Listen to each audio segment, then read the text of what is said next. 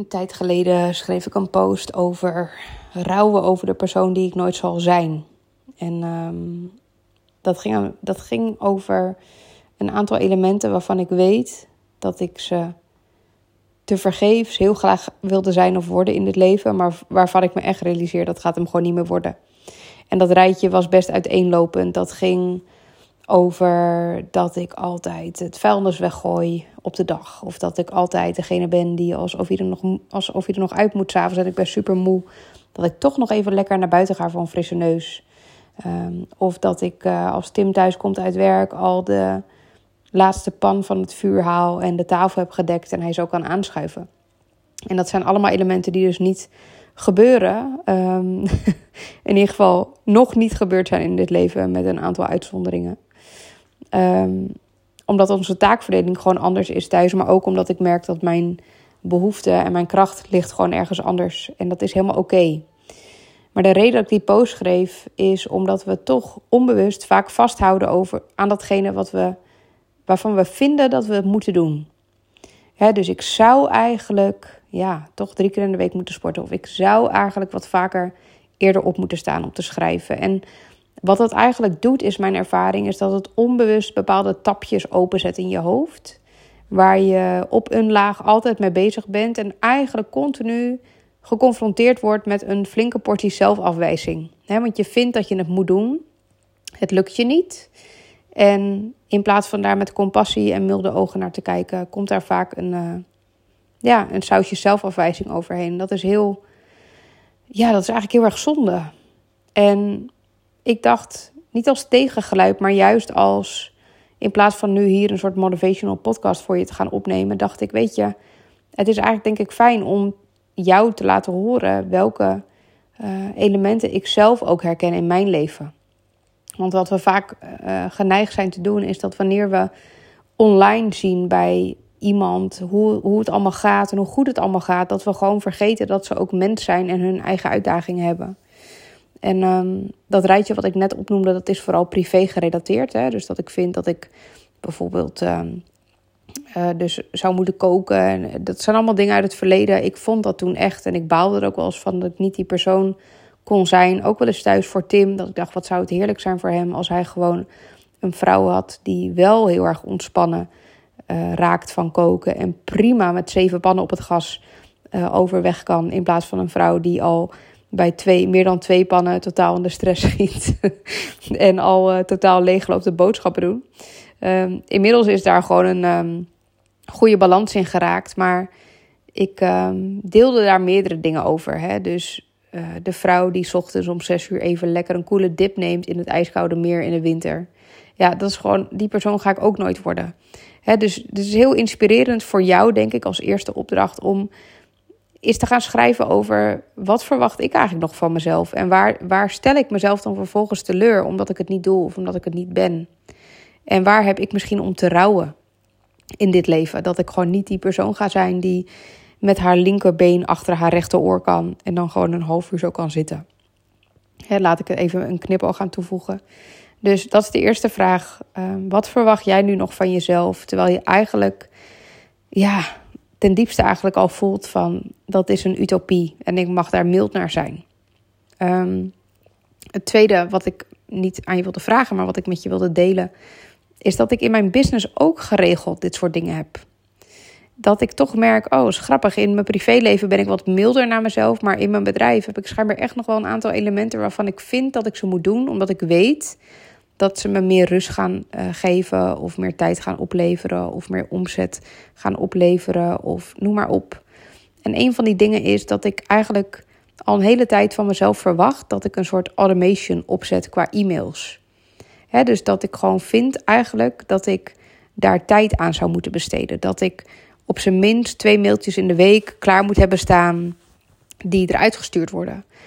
En dat lukt me gewoon niet. Ik ben denk ik vier jaar geleden daarmee begonnen. Ik heb het toen een tijdje volgehouden, een mooie mailinglijst opgebouwd. Maar ondanks dat ik soms drie keer in de week iets post of drie keer per dag iets post op Insta, lukt het me gewoon niet om daar opvolging aan te geven via een, een nieuwsbrief. En ik vind dus dat ik dat moet doen, want afhankelijk zijn van één social media kanaal is gewoon niet slim. Instagram is veruit mijn hoofdinkomenbron. Dus wanneer ik eruit geknikkerd word, dat heb ik vorig jaar een keer ervaren, ligt alles stil. Dus er is ook een deel in mij wat het belangrijk vindt om wel iets anders te doen. Maar het is niet urgent genoeg, dus ik doe het niet. Dat is dus een van die dingen die blijft nekken bij mij. Um, iets anders waarvan ik vind dat ik het zou moeten doen, is advertenties. Ik vind echt eigenlijk al anderhalf jaar lang dat, dat dus ook vier, vijf jaar geleden ben ik daar ooit mee begonnen. En ook weer mee gestopt, want het werkte gewoon op dat moment niet genoeg, goed genoeg voor mij. Maar er is een deel in mij wat vindt dat ik een advertentie zou moeten draaien. En dan vooral over mijn wonderstroom kaartendek. Want dat zou gewoon heel makkelijk zijn als ik passief inkomen zou kunnen genereren. En ik eigenlijk alleen nog maar de pakketjes hoef te versturen. En ik merk daar gewoon weerstand op. Ik doe het niet. Maar er is eigenlijk één keer per week op zijn minst wel een stem die dan uh, vertelt: Ja, kom op, bed, ga nou even zitten, maak even zo'n filmpje. En uh, de drempel is te hoog, dus ik doe het niet. Maar dat is dan zo'n uh, stem die blijft zeuren. En daar komt dus ook zelfafwijzing overheen. Want als ik dat nou wel had gedaan, dan stond het al. Hè, dan hoefde ik er niet meer over na te denken. Dan hoefde ik misschien nog een beetje hier en daar te tweaken om die advertenties goed te krijgen. Maar dat is dus ook iets wat er gebeurt. Um, wat ik zelf nog verder zou willen doen, is eigenlijk nog meer de onboarding optimaliseren. Dat zijn van die dingen die uh, nu op zich allemaal goed staan. Dus mijn klanten krijgen een super mooie vragenlijst die ze echt moeten invullen van tevoren. Omdat het de allerbelangrijkste voorbereiding is in het traject. En ik heb die vragen denk ik een jaar of drie opgesteld over je business en over je familiesysteem. Maar ik voelde gewoon, ik wilde eigenlijk wel weer een keer doorheen. Is niet nodig op zich, want de vragen die zijn gewoon helder en de antwoorden geven genoeg input om mee aan het werk te gaan. Maar een deel in mij vindt gewoon dat dat toe is aan vernieuwing. En dat pak ik dus niet op. En ik vind dus wel dat ik dat moet doen.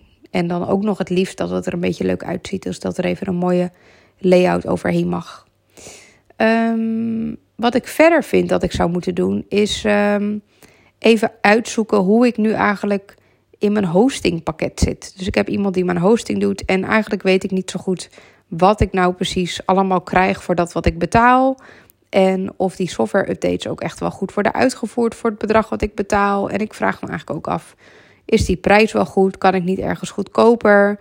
Uh, moet ik mijn pakket niet veranderen omdat ik er eigenlijk geen gebruik van maak? En dat is gewoon puur een van die dingen die dus op mijn lijstje staat en die ik dan dus niet doe. Waarvan ik dus wel vind dat ik het zou moeten doen.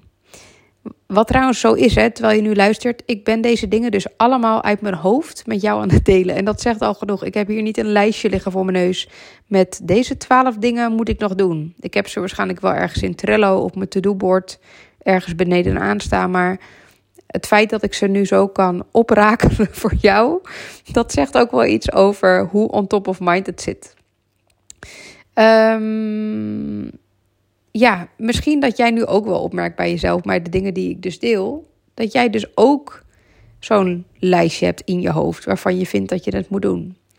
Um, ik heb nu, terwijl ik deze podcast opneem, dat ik eigenlijk voel dat ik een afspraak wil maken met mezelf. En dat is dat ik mezelf nu bij deze, uh, jij bent nu op dit moment mijn accountability partner als je luistert. En misschien is dit ook een mooie uitnodiging voor jou dat als je luistert en je denkt: Oh, ik heb ook zo'n lijstje. Misschien helpt dit. Ik geef mezelf drie weken de tijd om opvolging te geven aan het lijstje. En anders moet ik ze er voor heel 2024 van afhalen. Dus dan mag ik het niet meer doen dit jaar. Dan moet het echt pas volgend jaar. Dit is wat ik nu spontaan bedenk. En wat ik nu al merk, wat er gebeurt, is interessant. Is dat er een bepaalde vorm van urgentie opkomt. Dus er is nu een deel in mij wat denkt: ja, fuck, ik ga niet nog, nog een jaar extra dan betalen voor mijn hosting, als dat het geval is. Ik ga niet nog een jaar een deel passief inkomen misschien missen, terwijl ik mijn kaartendek gewoon eigenlijk heel mooi via een advertentie zou kunnen laten lopen. Dus er komt al gelijk een soort van ja, een urgentie bovenop. De andere kant van dit deel is dat wanneer ik het nu alsnog niet binnen die drie weken doe, is het schijnbaar niet belangrijk genoeg.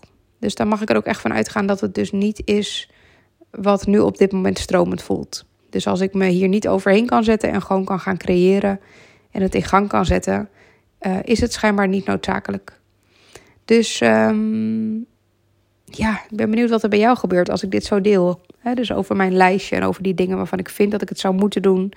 Zo heb ik nog zeker nog veel meer dingen. Dingen die ik wil optimaliseren achter de schermen.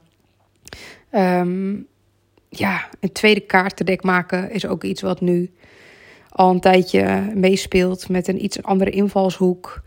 Um, en soms merk ik dat het um, stellen van een deadline echt ongelooflijk helpend is. En ook het hebben van een accountability partner. Dat ben jij dus nu in dit geval voor mij. Um, maar soms merk ik gewoon dat ik het wel kan afspreken met iemand, maar dat het gewoon nog steeds niet stroomt. En dat ik het dan dus mag loslaten. En ik ben heel erg benieuwd of jij voor jezelf herkent wanneer je in je mind veel tapjes hebt openstaan. Of je herkent of het gaat om dingen die echt belangrijk zijn voor je bedrijf, of voor jou als persoon, of voor je gezin.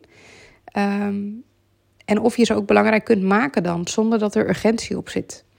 En deadline werkt voor veel mensen, ik hoor daar ook bij, heel erg lekker, omdat je gewoon weet, als ik bij wijze van zaterdag een event heb en het is maandag, dan weet ik gewoon, oké, ik moet gewoon een aantal dingen regelen, dingen bestellen. Als ik het nu niet doe, is het niet op tijd. dat is een hele goede motivatie voor mij in deadline. Ik werk altijd heel erg lekker op deadline energie. Ehm, maar als die deadline er niet is en ik ga hem zelf creëren, dus ik doe alsof het maandag is, maar het is eigenlijk nog niet maandag, maar pas die week erop. Ik kan mezelf gewoon niet voor de gek houden. Dat lukt me gewoon niet. Ehm, en ik ben ook eigen baas geworden omdat ik zelf dingen wilde bepalen en mijn vrijheid wilde nemen. En op sommige momenten merk ik gewoon dat dat dus echt uh, me tegenwerkt. Ehm, dus even heel transparant dat je weet dat het bij mij dus ook zo is. Want dat is logisch, want ik ben een mens. Voor het geval dat je het vergeten was, iedereen die jij op Instagram ziet, op LinkedIn, die in jouw ogen het heel goed doen, die succesvol zijn, ook al heb je gelijk, er zijn ook altijd kanten die niet lekker lopen. Is gewoon zo. Alleen vaak ben je te druk bezig met in je hoofd daarmee overmalen dat je er niet over denkt om er een podcast over op te nemen of dat je het zo aan het uitstellen bent dat je liever afleiding gaat zoeken. En iets wat je wel leuk vindt en daardoor ook niet mensen meeneemt in hey, hier ga ik nu doorheen. Maar het gebeurt wel. Dus als jij nu merkt dat je voor je gevoel kampt met een vorm van zelfafwijzing of je vindt dat je iets zou moeten doen en het komt niet van de grond, you're not alone. Echt niet. En misschien zijn er mensen die zichzelf heel goed kunnen motiveren en discipline hebben, ijzeren discipline. Maar ik ben niet een van die personen. Dus misschien helpt het je dat ik dat zeg. Uh, dat het heel erg menselijk is. Dat je dus niet altijd alles doet wat je bedenkt of wat eigenlijk belangrijk voor je is. Want soms komt het leven gewoon tussendoor en soms wil je gewoon, uh, ja, lukt het gewoon niet. Zonder daar een aanwijsbare reden voor is. Dus tot zover deze podcast. Hele andere invalshoek, maar ik voelde gewoon nu in de energie van deze week. We zitten in een soort van rauwige tijd hier thuis. Misschien heb je het meegekregen. Um, ergens deze maanden uh, is Tim geselecteerd door Matches als donor. En misschien gaan we daar nog samen een podcast over opnemen. Maar hij kan dus stamcellen doneren aan een ontvanger. Um, en dat is een heel proces, zowel fysiek in de operatie als mentaal en emotioneel. Omdat het iemand is voor wie dit de laatste hoop kan zijn.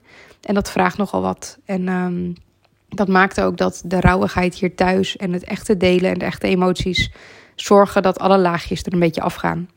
En misschien dat dit ook wel de reden was dat ik gewoon even een straight podcast met je wilde delen en voor je wilde opnemen. Om even, ja, eerlijk met je te zijn over dat iedereen een voorkant heeft op Instagram.